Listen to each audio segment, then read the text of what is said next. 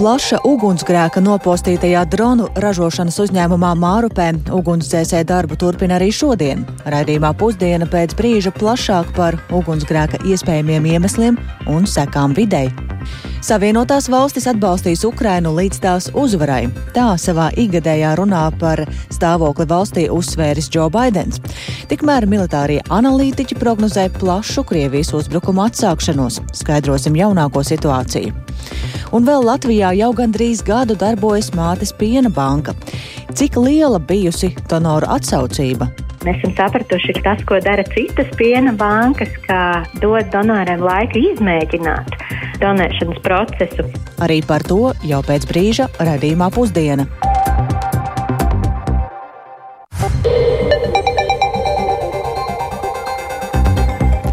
12,5 minūtes laiks raidījumam pusdiena ar šīs dienas 8. februāra būtiskāko notikumu skaidrojumu studijā Dācis Semenoviča. Labdien!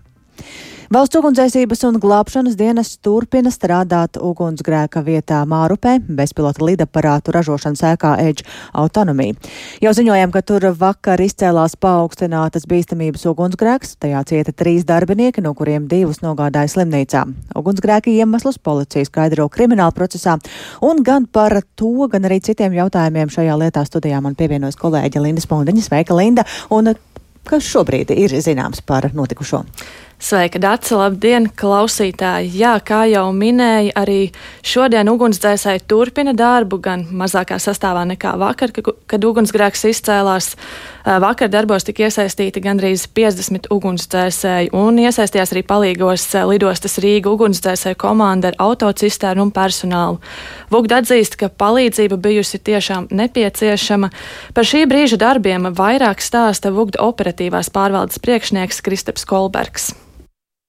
Šobrīd notiek joprojām konstrukciju jaukšanas un liešanas darbi, ņemot vērā to, ka šī ēka bija būve, kas konstruēta no tā tautā saucamiem sandviču paneļiem, kuri satur iekšā siltinājumu, un šis siltinājums, protams, ir daļēji sadedzis. Tā sīki un skrupulozi tiek attīrīta degšanas vieta, lai piekļūtu vēl atsevišķiem, teiksim tā, perēkļiem, kur vēl ir kaut kādas gruzdošas vietas. Paredzams, ka būtībā līdz vakaram arī šie darbi vēl turpināsies. Vakar tad šis izsaukums tika saņemts 15.14. Kopējā degšanas platība šajā divstāvu ražošanas ēkā sastādījis 600 kvadrātmetrus. Vēl papildus 20 kvadrātmetri arī dega gatavā produkcija, un arī no karstuma iedarbības jā, tika bojāts trīs automašīnas, kas bija stāvlaukumā. Es varētu arī pieminēt dzēšanas ūdeņu nonākšanu kopējā lietus kanalizācijā, kas tālāk nonāca blakus esošajā grāvī. Nu, tur diezgan ātri norēģējām un uzstādījām arī šīs te absorbējošās bonas, lai nepieļautu tālāku šo te potenciāli piesārņotu ūdeņu izplatīšanos. Jāpiemina, ka vakar pēc septiņiem vakarā tikai ugunsdzēsējiem izdevās ierobežot liesmu izplatīšanos. Jāteic, ka ēkā, kad ieradās ugunsdzēsēji, cilvēki paši jau bija evakuējušies un to evakuāciju veica, jo nostrādāja ugunsdrošības sistēma.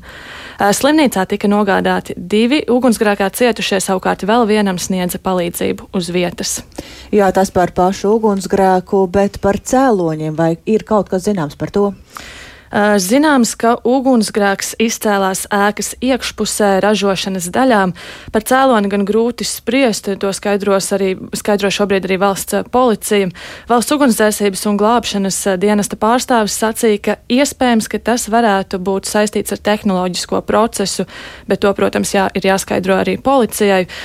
Vugdi ieskatos ļaunprātīga degšana nav notikusi, un šādu versiju arī izskata valsts policija. Zināms, jā, ka valsts policija ir uzsākusi uh, kriminālu procesu par noziedzīgu nodarījumu pret vispārējo drošību un sabiedrisko kārtību, un varam paklausīties valsts policijas pārstāvis Elīnas Priedītas sacītajā. Sākotnējā policijas rīcībā esošā informācija neliecina, ka ir notikusi ļaunprātīga dedzināšana, taču, lai skaidrotu precīzi ugunsgrēka cēloni, ir nozīmēts ekspertīzes, un izmeklēšanā tiks vērtēts visas iespējamās ugunsgrēka izcelšanās versijas, tostarp ņemot vērā arī to, ka uzņēmums sniedz atbalstu Ukrainai un tās armijai. Uh, jā, arī policija vaicāja, vai ir zināms, cik uh, ilgi būs šis izmeklēšanas process. To gan šobrīd uh, vēl pāragri ir spriest. Un ko saka pats uzņēmums, kā tiks ietekmēta tā darbība? Jā, vispirms par cēloņiem. Protams, ka uzņēmums šobrīd uh, izmeklēšanu uztic speciālistiem, tādēļ arī atturās no dažādiem minējumiem, kas ir ugunsgrēka cēlonis un iesaka to darīt arī sabiedrībai, jo, kā mēs zinām, tad uh, šobrīd sociālajos tīklos dažādas uh, versijas izskan par to, kas ir noticis. Vēl par pašu uzņēmumu gan jāpiemina arī, ka jā, viņš tas ražo bezpilota sistēmu tehnoloģijas un piegādā to klientiem 70 valstīs, tostarp arī valdībām. Un uzņēmumu dronus piegādā arī Ukrainas armijas vajadzībām. Tādēļ arī policija kā viena no versijām izskata arī šo. Uh, jā, un šis uzņēmums ir viens no vadošajiem pasaules līmeņa bezpilota lidaparātu tehnoloģiju ražotājiem, tāpēc arī uzņēmuma uzņēmums apgroza vairākus miljonus eiro uh, gadā, un tā īpašnieks uh, ir arī tāda paša nosaukuma ASV uzņēmums, un Latvijā strādā aptuveni 200 darbinieku. Un, uh, jā, uh, jāpaklausās arī, ko saka uzņēmuma pārstāve Inga Galkina. Šobrīd vēl būtu pāragri pateikt uh, konkrētu postījumu apmēru, notiek intensīvs darbs, uh, lai jau saprastu, cik liela tā ietekme ir. Cik cilvēki atradās uh, ugunsgrēka laikā darba vietā? Jāatzīst, ka tādu konkrētu skaitu šobrīd vēl skaidrojam, jo ražotnē darbs tiek organizēts maiņās, administratīvajā departamentā strādājam hibrīd modelī, līdz ar to mēs vēl mēģinam saprast, cik konkrēti darbinieki atradās. Protams, ka dotajā brīdī un visu šo nedēļu uzņēmums nestrādās un ražošana nenotiks. Jebkurā gadījumā šodien jau ir sasaukta vadības strateģiskā sapulce, uz kuru Latvijā ieradīsies arī uzņēmuma īpašnieki no ASV un no viss, kas saistīts ar uh, ražotnes tālāko norisi, nu, tas ir mūsu šīs dienas svarīgākais jautājums. Jā, vēl kā dzirdējām, tad uh, šobrīd uzņēmums domā, kā operatīvo darbību turpināt uh, šajos apstākļos, un tad arī skaidrosim tālāk, kādi tad ir bijuši šī ugunsgrēka cēloņi. Paldies Lindai Spundiņai, un šobrīd man telefoniski pievienos arī valsts vides dienesta Lielrīgas reģionālās vides pārvaldes direktors Galvis Avotiņš. Labdien! Sveicināti! Jums vēlamies jautāt par vienu no aspektiem, proti izskanējušo un jūsu minēto sociālajos tīklos, ka uzņēmums ir darbojies bez nepieciešamās piesārņojošās darbības atļaujas. Pašā uzņēmumā mums sacīja, ka gaidīs izmeklēšanas rezultātus, bet kā ir ar šo atļauju? Tiešām tā nebija un kas tā ir par atļauju? Ņemot vērā, ka tiešām uzņēmumam nav izsniegta kāda veida piesārņojošās darbības atļaujas, Dienestam iepriekš nav bijusi arī zināma informācija par ražošanā izmantotajiem tehniskajiem paņēmieniem, kā arī izmantotajiem materiāliem un vielām. Šobrīd tiek skaidrot visu nepieciešamā informācija ar operatoru pārstāvjiem, lai pieņemtu pamatos lēmumus par, par normatīvu aktu pārkāpumiem, kas, kas saskatām konkrētajā situācijā. Tā kā vēl aizvien informācija tiks precizēta ar operatoru pārstāvjiem. Vai tas nozīmē, ka savā ziņā uzņēmums bija jūsu redzeslokā, vai tas to nenozīmē? Tātad, kā jau es arī minēju iepriekš, tad, operatoram nav tikusi izsniegta nekāda veida piesārņojošā darbības atļauja, un konkrētais uzņēmums nav bijis mūsu redzeslokā. Bet jums nav jākontrolē šīs atļaujas um, esamība, ne? Tātad šī informācija par konkrēto, par konkrēto operatoru, principā mums tāpa zināma tad, kad bija šis negadījums, Attiecīgi šobrīd tiek vērtēti arī visi šie apstākļi, kas, kas liecina par to, vai operatoram ir bijusi nepieciešama piesārņojošās darbības atļauja. Šobrīd uh, tiek skaidrot visi tie specifiskie apstākļi gan mm. par piesārņojošo vielu, esošo uh, apjomiem objektā, gan par ražošanas tehnoloģiju, gan izmantotajiem tehnoloģiskiem paņēmieniem, lai vērtētu to, vai operatoram ir bijusi nepieciešama atļauja šobrīd pēc tās pirmotnējās informācijas secināms, ka, tā, kad operatoram bij, ir bijusi nepieciešama piesārņojošās darbības atļauja, bet šāda nav tikusi iegūta iepriekšējā periodā. Skaidrs, bet par pašu ugunsgrēku tā laikā plašā sadomojuma dēļ bija aicinājums apkārtējiem aizvērt logus, izslēgt ventilāciju, lai tas nekaitētu veselībai. Par kaitējumu videi, cik liels tas ir un jā, ko jūs par kaitējumu videi varat sacīt? Tātad valsts dienas darbinieki arī šobrīd veic nepieciešamās darbības pastāvošo vidas draudu un radītā piesārņojuma novērtēšanai. Šobrīd ar ekspresu metodēm tiek novērtēti piesārņojumi raksturošie parametri, kā arī veikta paraugošana laboratoriskai testēšanai, detalizētāk rezultātu iegūšanai. Kas būtiski būtu atzīmējams, ka jau vakardien ir noslēgta dzēšanas ūdeņa ietekmētā meliorācijas sistēmas daļa, lai izslēgtu potenciālās negatīvās ietekmes ar meliorācijas sistēmu saistītajos, saistītajos, saistītajās teritorijās un saistītajos ūdens objektos. Un pirmotnējie dati liecina, ka tiešā ugunsgrēka tūmā ierobežotā meliorācijas grāvja zonā piesārņojuma pies, raksturojušie parametri uzrāda paaugstinātas vērtības, salīdzinot tos ar datiem no meliorācijas sistēmas ūdens datiem aiz aizsprosta. Tā kā ir veikti šie pirmotnējie piesārņojuma lokalizācijas un piesārņojuma, respektīvi šīs neizplatīšanās pasākumi, Tā kā, tā kā, tā kā katrā ziņā šie pasākumi tiek, ir tikuši realizēti un attiecīgi tiek uzraudzīti arī ar šīm ekspresa ekspres analīzēm, lai varētu novērtēt konkrēto piesārņojumu līmeni. Jā, paldies! Dzirdējām valsts vides dienesta Lielrīgas reģionālās vides pārvaldes direktoru Kalvi Avotiņu, un mēs turpinām ar notikumiem citviet pasaulē.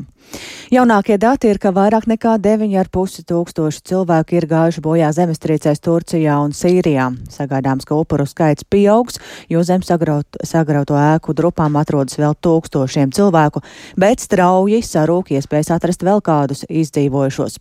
Jaunāko par situāciju zemestrīču nopostītajos reģionos Turcijā un Sīrijā ir gatavs pastāstīt kolēģis Uldis Čēsberis. Sveiks, Uldi!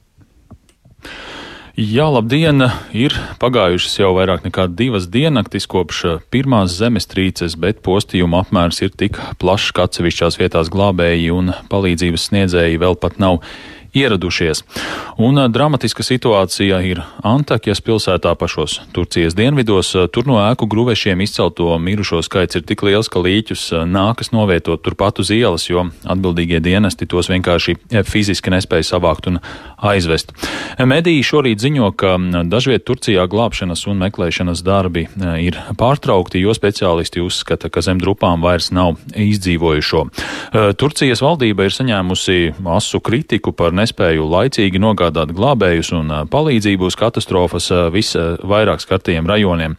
Un desmitiem tūkstošiem cilvēku pēdējās naktis ir pārlaiduši zem klājas debesis vai savās automašīnās bez iespējas pāriest ciltu maltīti vai nomazgāties. Acīm redzot, reaģējot uz kritiku, Turcijas prezidents Reģeps Taips Erdogans šodien plāno apmeklēt Kahramarašas pilsētu, kuras tūmā bija epicentrs vienai no pirmdien notikušajām zemestrīcēm, bet pēc tam viņam paredzēts doties arī uz Hatajas provinci. Savukārt Sīrijā zemestrīces vislielākos postījumus ir nodarījušas valsts ziemeļrietumos, ko kontrolē dumpinieku grupējumi, kuri cīnās pret prezidenta Bašara El Asada režīmu. Un tur bojā gājušo skaits ir pārsniedzis 1200, bet vismaz 2600 cilvēku ir guvuši ievainojumus. Kara kara darbības un politisku iemeslu dēļ ir apgrūtināta palīdzības piegāde Sīrijai un palīdzības organizācijas Oxfam. Nodaļas Sīrijā vadītājs Mutās Sadhāms sacīja, ka atšķirībā no Turcijas Sīrija pēc zemestrīcēm vēl nav saņēmusi faktiski nekādu starptautisko palīdzību un paklausīsimies viņa teikto the situation in Syria even before uh, the earthquake was extremely. Situācija Sīrijā vēl pirms zemestrīces bija ārkārtīgi smaga. 90% iedzīvotāju dzīvoja zem nabadzības sliekšņa. Mūsu darbinieki sniedz palīdzību Alepo pilsētā un tūmā esošajos lauku ciematos, kurus smagi skāra zemestrīces. Pašas nepieciešamākās lietas, kas ir jānodrošina nekavējoties, ir tīrs dzeramais ūdens, pārtika un patvērums. Piegāžu iespējas ir ļoti ierobežotas. Cilvēki mitinās uz ielām, lai gan ir ļoti augsts laiks. Really, uh, cold, uh, Un apvienoto nāciju organizācija paziņoja, ka tā izskata dažādas iespējas, kā nosūtīt palīdzību visvairāk cietušajiem Sīrijas reģioniem, un tāpēc visticamāk ANO nāksies runāt ar Asada režīmu par to, lai tas nodrošinātu plašāku pieeju reģioniem, kurus kontrolē dumpinieki un kur arī ir visvairāk, visvairāk cietušie. Dāce? Paldies Uldim Džesberim tas par palīdzību, kas nepieciešama Turcijai un Sīrijai.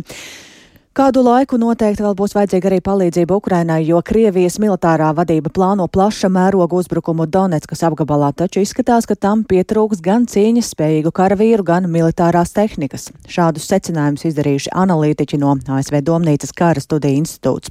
Tikmēr ASV prezidents Džo Baidens kongresā savā igadējā runā par stāvokli valstī uzsvēra, ka Savienotās valstis atbalstīs Ukrainu līdz tās uzvarai. Plašāk stāsta Rihards Plūme. Krievijas iespējas sasniegt Donetskas un arī Luhanskas apgabalu administratīvās robežas līdz kara gadadienai 24. februārim vai pat mārta sākumam tiek apšaubītas. Proti ASV Kara studiju institūta analītiķi, kas pētījuši arī Lielbritānijas aizsardzības ministrijas vērtējumu par situāciju frontē, norāda, ka Kremlis jau janvārī mēģinājis veikt uzbrukuma operāciju Donetskā, taču ieguvis tikai dažus simtus metru teritorijas. Lēnais temps tiek skaidrots ar munīcijas trūkumu Krievijā un manevrējamo vienību trūkumu, kas nepieciešams veiksmīgai un ātrai ofensīvai. Krievijas militārā pavēlniecība turpina pieprasīt nereālu un liela mēroga armijas virzību uz priekšu, taču eksperti ir pārliecināti, ka Krievija visticamāk nepalielinās kaujas spēku, kas nepieciešams, lai būtiski ietekmētu kara iznākumu. Arī Kremļa kontrolētie propagandas mediji apšauba iespēju, ka Krievijas karaspēks spēs veikt straujus un sekmīgus triecienus vairākos frontes virzienos. Aizvadītajā diennaktī Ukrainas aizstāvji atvairīja Krievijas uzbrukumus 22 apdzīvotu vietu apkārtnē, bet naktī Krievija ar raķetēm apšaudījusi Ukrainas otro lielāko pilsētu Harkivu. Apšaudīta arī Harkivas apgabalā esošā Volčānskas pilsēta, kur bojā gājis viens cilvēks. Rietumvalstu atbalsts, tostarp militārs, Ukrainai joprojām ir ārkārtīgi būtisks. Šonakt ASV prezidents Džo Baidens kongresā teica savu ikgadējo runu par stāvokli valstī, kurā viņš uzsvēra, ka Savienotās valstis atbalstīs Ukrainu līdz tās uzvarai. Atcerēsimies, pasaule skatās. Es runāju šajā zālē pirms gada, tikai dažas dienas pēc tam, kad Vladimirs Putins izvērsa brutālu uzbrukumu Ukrainai. Putina iebrukums ir gadsimtu pārbaudījums. Pārbaude Amerikai, pārbaude pasaulē, un kopā mēs darījām to, ko Amerika vienmēr dara vislabākajā veidā. Mēs vadām. Mēs apvienojām NATO, mēs izveidojām globālu koalīciju, mēs iestājāmies pret Putina agresiju. Mēs stāvējām kopā ar Ukraiņu tautu. Koordinācija palīdzības sniegšanā starp Kijevu un Vašingtonu turpinās, un par to liecina kaut vai vakar vakarā notikusī telefona saruna starp Ukrainas ārlietu ministru Dmitro Kulebu un ASV valsts sekretāru Antoniju Blinkenu par turpmāko militāro palīdzību Ukrainai. Rihards Plūme, Latvijas radio. Lai kā mums gribētos agrāk redzēt Ukrainas uzvaru, visticamāk karš šajā valstī būs ilgstošs. Tā pirms nedēļas, nākamnedēļ Briselē gaidāmās NATO valstu aizsardzības ministru sanāksmes Latvijas radio sacīja NATO ģenerālsekretāra vietniece publiskās diplomātijas jautājumos Baiba Braži. Turpinājumā fragments no Arčoma Konohova sarunas ar viņu. Pirmkārt, kārdarbībā pauze nav iestājusies. Kā mēs zinām, ikdienas, ik stundas Bahmutas apkārtnē, ne tikai Donbasā, bet arī citur notiek aktīva kardarbība. Tas, ka ne Krievijai, ne Ukrainai nav izdevies iekrot būtiskas jaunas teritorijas, tikai parāda to, cik ārkārtīgi sīvas ir šīs cīņas. Neapšaubām NATO stratēģija ir pilnīgi skaidra. Dalība valstis nodrošina kopā ar partneriem respektīvi, no Austrālijas līdz Somijai, Zviedrijai, pat Maroka ir sniegusi palīdzību, kas ir letālā palīdzība ieroču piegādes, un koordinācija notiek ASV vadītajā tā saucamajā Rāmsteins grupā, jeb Ukraiņas atbalsta grupā. Un tas tiek darīts tādēļ, lai tas būtu pilnīgi skaidrs, ka NATO nav kara puse, jā, nestoties uz Krievijas meliem. Bet otrs, lai arī tas notiktu pēc iespējas ātrāk un tādā iespējamā operatīvā veidā. NATO ziņā ir tā saucamā neletālā apgāde, palīdzība. Tas ir ļoti precīzi definēts, lai tas, kas NATO ir, kolektīvās aizsardzības alianses savām dalībvalstīm, lai būtu pilnīgi skaidrs nodalījums no tā, kas tā nav. Bet jo ilgāk šis karš turpinās, jo lielākas ir izmaksas gan uh, Ukrainai, gan rietumvalstīm, kas palīdz. Protams, arī Krievijai ir izmaksas. Tāpēc vai nebūtu vērts tomēr varbūt šobrīd iedot tādu palīdzību, kas būtu tiešām izšķirīga? Kā arī NATO ģenerālsekretārs teica, ka visticamāk tas būs ilgs karš.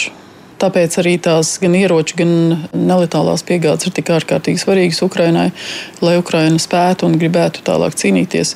Jo ceļš uz ilgstošu mieru, diemžēl, ved caur karu šajā gadījumā. Piespiest Krieviju saprast, ka ar ieročiem tā nespēs panākt savus nestrateģiskos rezultātus sakaut Krieviju.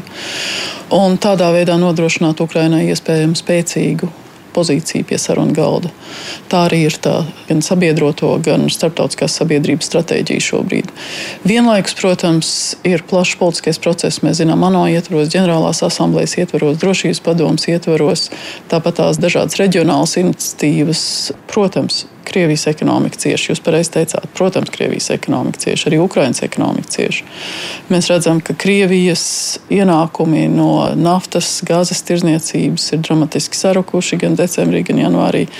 Mēs redzam, to, ka ir pilnībā mainījies tas eksports, ko Krievija ir spējusi veikt arī no šiem saviem dabas resursiem.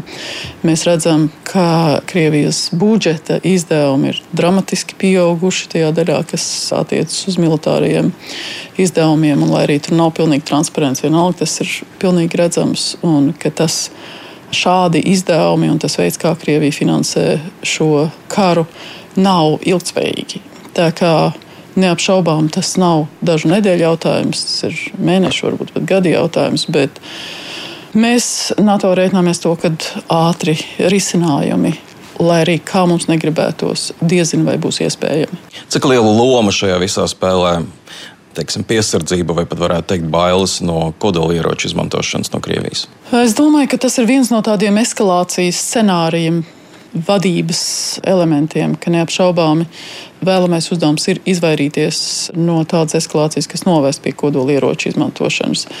Tā kā tas nav bailes, tādi scenāriji izslēgti netiek, bet pilnīgi skaidrs ir tas, ka Krievija ir pateikusi, tāpat kā pārējās kodolvalstis, ka kodolkarš nav uzvarams un tāpēc kodolieroču izmantošana netiek pieļauta. Tā Baiba Braže. NATO ģenerālsekretāra vietniece publiskās diplomātijas jautājumos. Un mēs turpinām ar vēl kādu tematu. Nepilnu gadu Latvijā darbojas Mātes piena banka. Tajā uzkrāja donoru saziedoto pienu un to izmanto priekšlaikus dzimušo mazuļu ēdināšanai. Pirmais darbības periods ir pagājis, pieslīpējot un vērojot jaunās sistēmas darbību un arī piesaistot pirmās 15-16 donorus. Pagājušā gadā arī ir saņemts kopumā ap 90 litriem mātes piena, un kā piena bankai ir veicies pirmajā darbības gadā. Par to interesējās kolēģi Zana Eniņa, kura šobrīd pievienojas studijā. Sveika, Zana! Jā, Mātes piena banka Bērnu Kliniskajā universitātes slimnīcā sāka darboties pagājušā gada marta beigās. Un pirms tam Latvija bija vienīgā valsts Eiropas Savienībā, kur šādas bankas vēl nebija. Līdz ar to tā ir viena no jaunākajām, jo Eiropas Savienībā kopumā ir ap 280 piena bankām. Un, tādējādi mūsu pirmajai piena bankai ir diezgan plašas iespējas izmantot citās jau iegūto pieredzi. Un to ieskicē Mātes piena bankas vadītāja Dats Sniedze. Mēs esam sapratuši tas, ko dara citas piena bankas, kā dod donoriem laiku izmēģināt donēšanas procesu. Vai viņai pietiek laika to darīt, un vai arī pēc divām nedēļām ir tāda pati apņēmība un vēlme kā sākumā, jo tas tiešām aizņem laiku. Jāreikinās apmēram nu, 40 minūtēm līdz stundu no sava laika katru dienu. Eh, piena bankas vadītāja Dācis Sniedzis stāstīja, mm, ka mātes piena ziedošanas process savā ziņā ir līdzīgs asins ziedošanai, jo arī piena donoriem ir jāveic dažādas analīzes, bet eh, saziedoto pieniņu rūpīgi mm, pārbauda un apstrādā. Pēc tam to saglabā saldāt, saldētavās, eh, bet lielākā daļa jau esot izmantot, ēdinot mazos pacientus. Un visbiežāk tie ir priekšlaikus dzimušie mazuļi, kurus svars ir zem pusotra kilograma retāk jaundzimušie, kuriem jāveic kādas nopietnas operācijas, un tāpēc viņu mammas ir lielā stresā, un viņām pašām pieniņš ir ap, apsītis, un to nāks aizvietot. Priekšlaikus dzimušie bērniņi ir daudzās ārstniecības iestādēs Latvijā, vai šis piens nonāk visās iestādēs? Jā, kā teica Mācis Piena bankas vadītāja, tad pagaidām e, mūsu vienīgā banka var apkalpot tikai bērnu slimnīcu jo, lai pienu piegādātu citām iestādēm, būtu diezgan sarežģīta loģistika, un tur arī būtu vajadzīgi speciāli leduskapji piena glabāšanai, tā kā pagaidām nē. Nu, mēs jau dzirdējām, ka tas ir ļoti darba ietilpīgs process, vai šīs mammas par savu labo darbu saņem arī kādu atlīdzību? Nē, tāpat kā asiņu ziedošana, arī piena donēšana ir pilnīgi brīvprātīga un bez atlīdzības. Patiešām par spīti tam, ka piena ziedošana var uzskatīt gandrīz vai par darbu. Un kā man pastāstīja viena no donoriem, viņa savu pienu bankai nodod jau gandrīz deviņus mēnešus, bet viņas stāstīto varēsim paklausīties vēlāk pēcpusdienā. Ļoti gaidīsim šo stāstu, jo tiešām būtisks un uh, it īpaši priekšlaikus dzimušiem bērniņiem. Un ar to arī izskan mūsu raidījums pusdiena. Producente Ilze Agīnta, ierakstus montēja Uldis Grīnbergs, par labskaņu rūpējās Rīta Kārnača un ar jums sarunājās Dācis Semenoviča. Vēl īsi par svarīgāko valsts ugunsdzēsības un glābšanas dienas turpina strādāt ugunsgrēku vietā Mārupē, cēloņus skaidros policija krimināla procesā. Bojā gājušo skaits zemestrīcēs Turcijā un Sīrijā turpina palielināties, šobrīd sasniedzot vairāk nekā 9000 cilvēku, un Latvijā jau gandrīz gadu darbojas Mātes piena banka. Mūsu ziņām var sekot, sekot līdzi arī sociālajos tīklos, tāpat arī raidierakstos.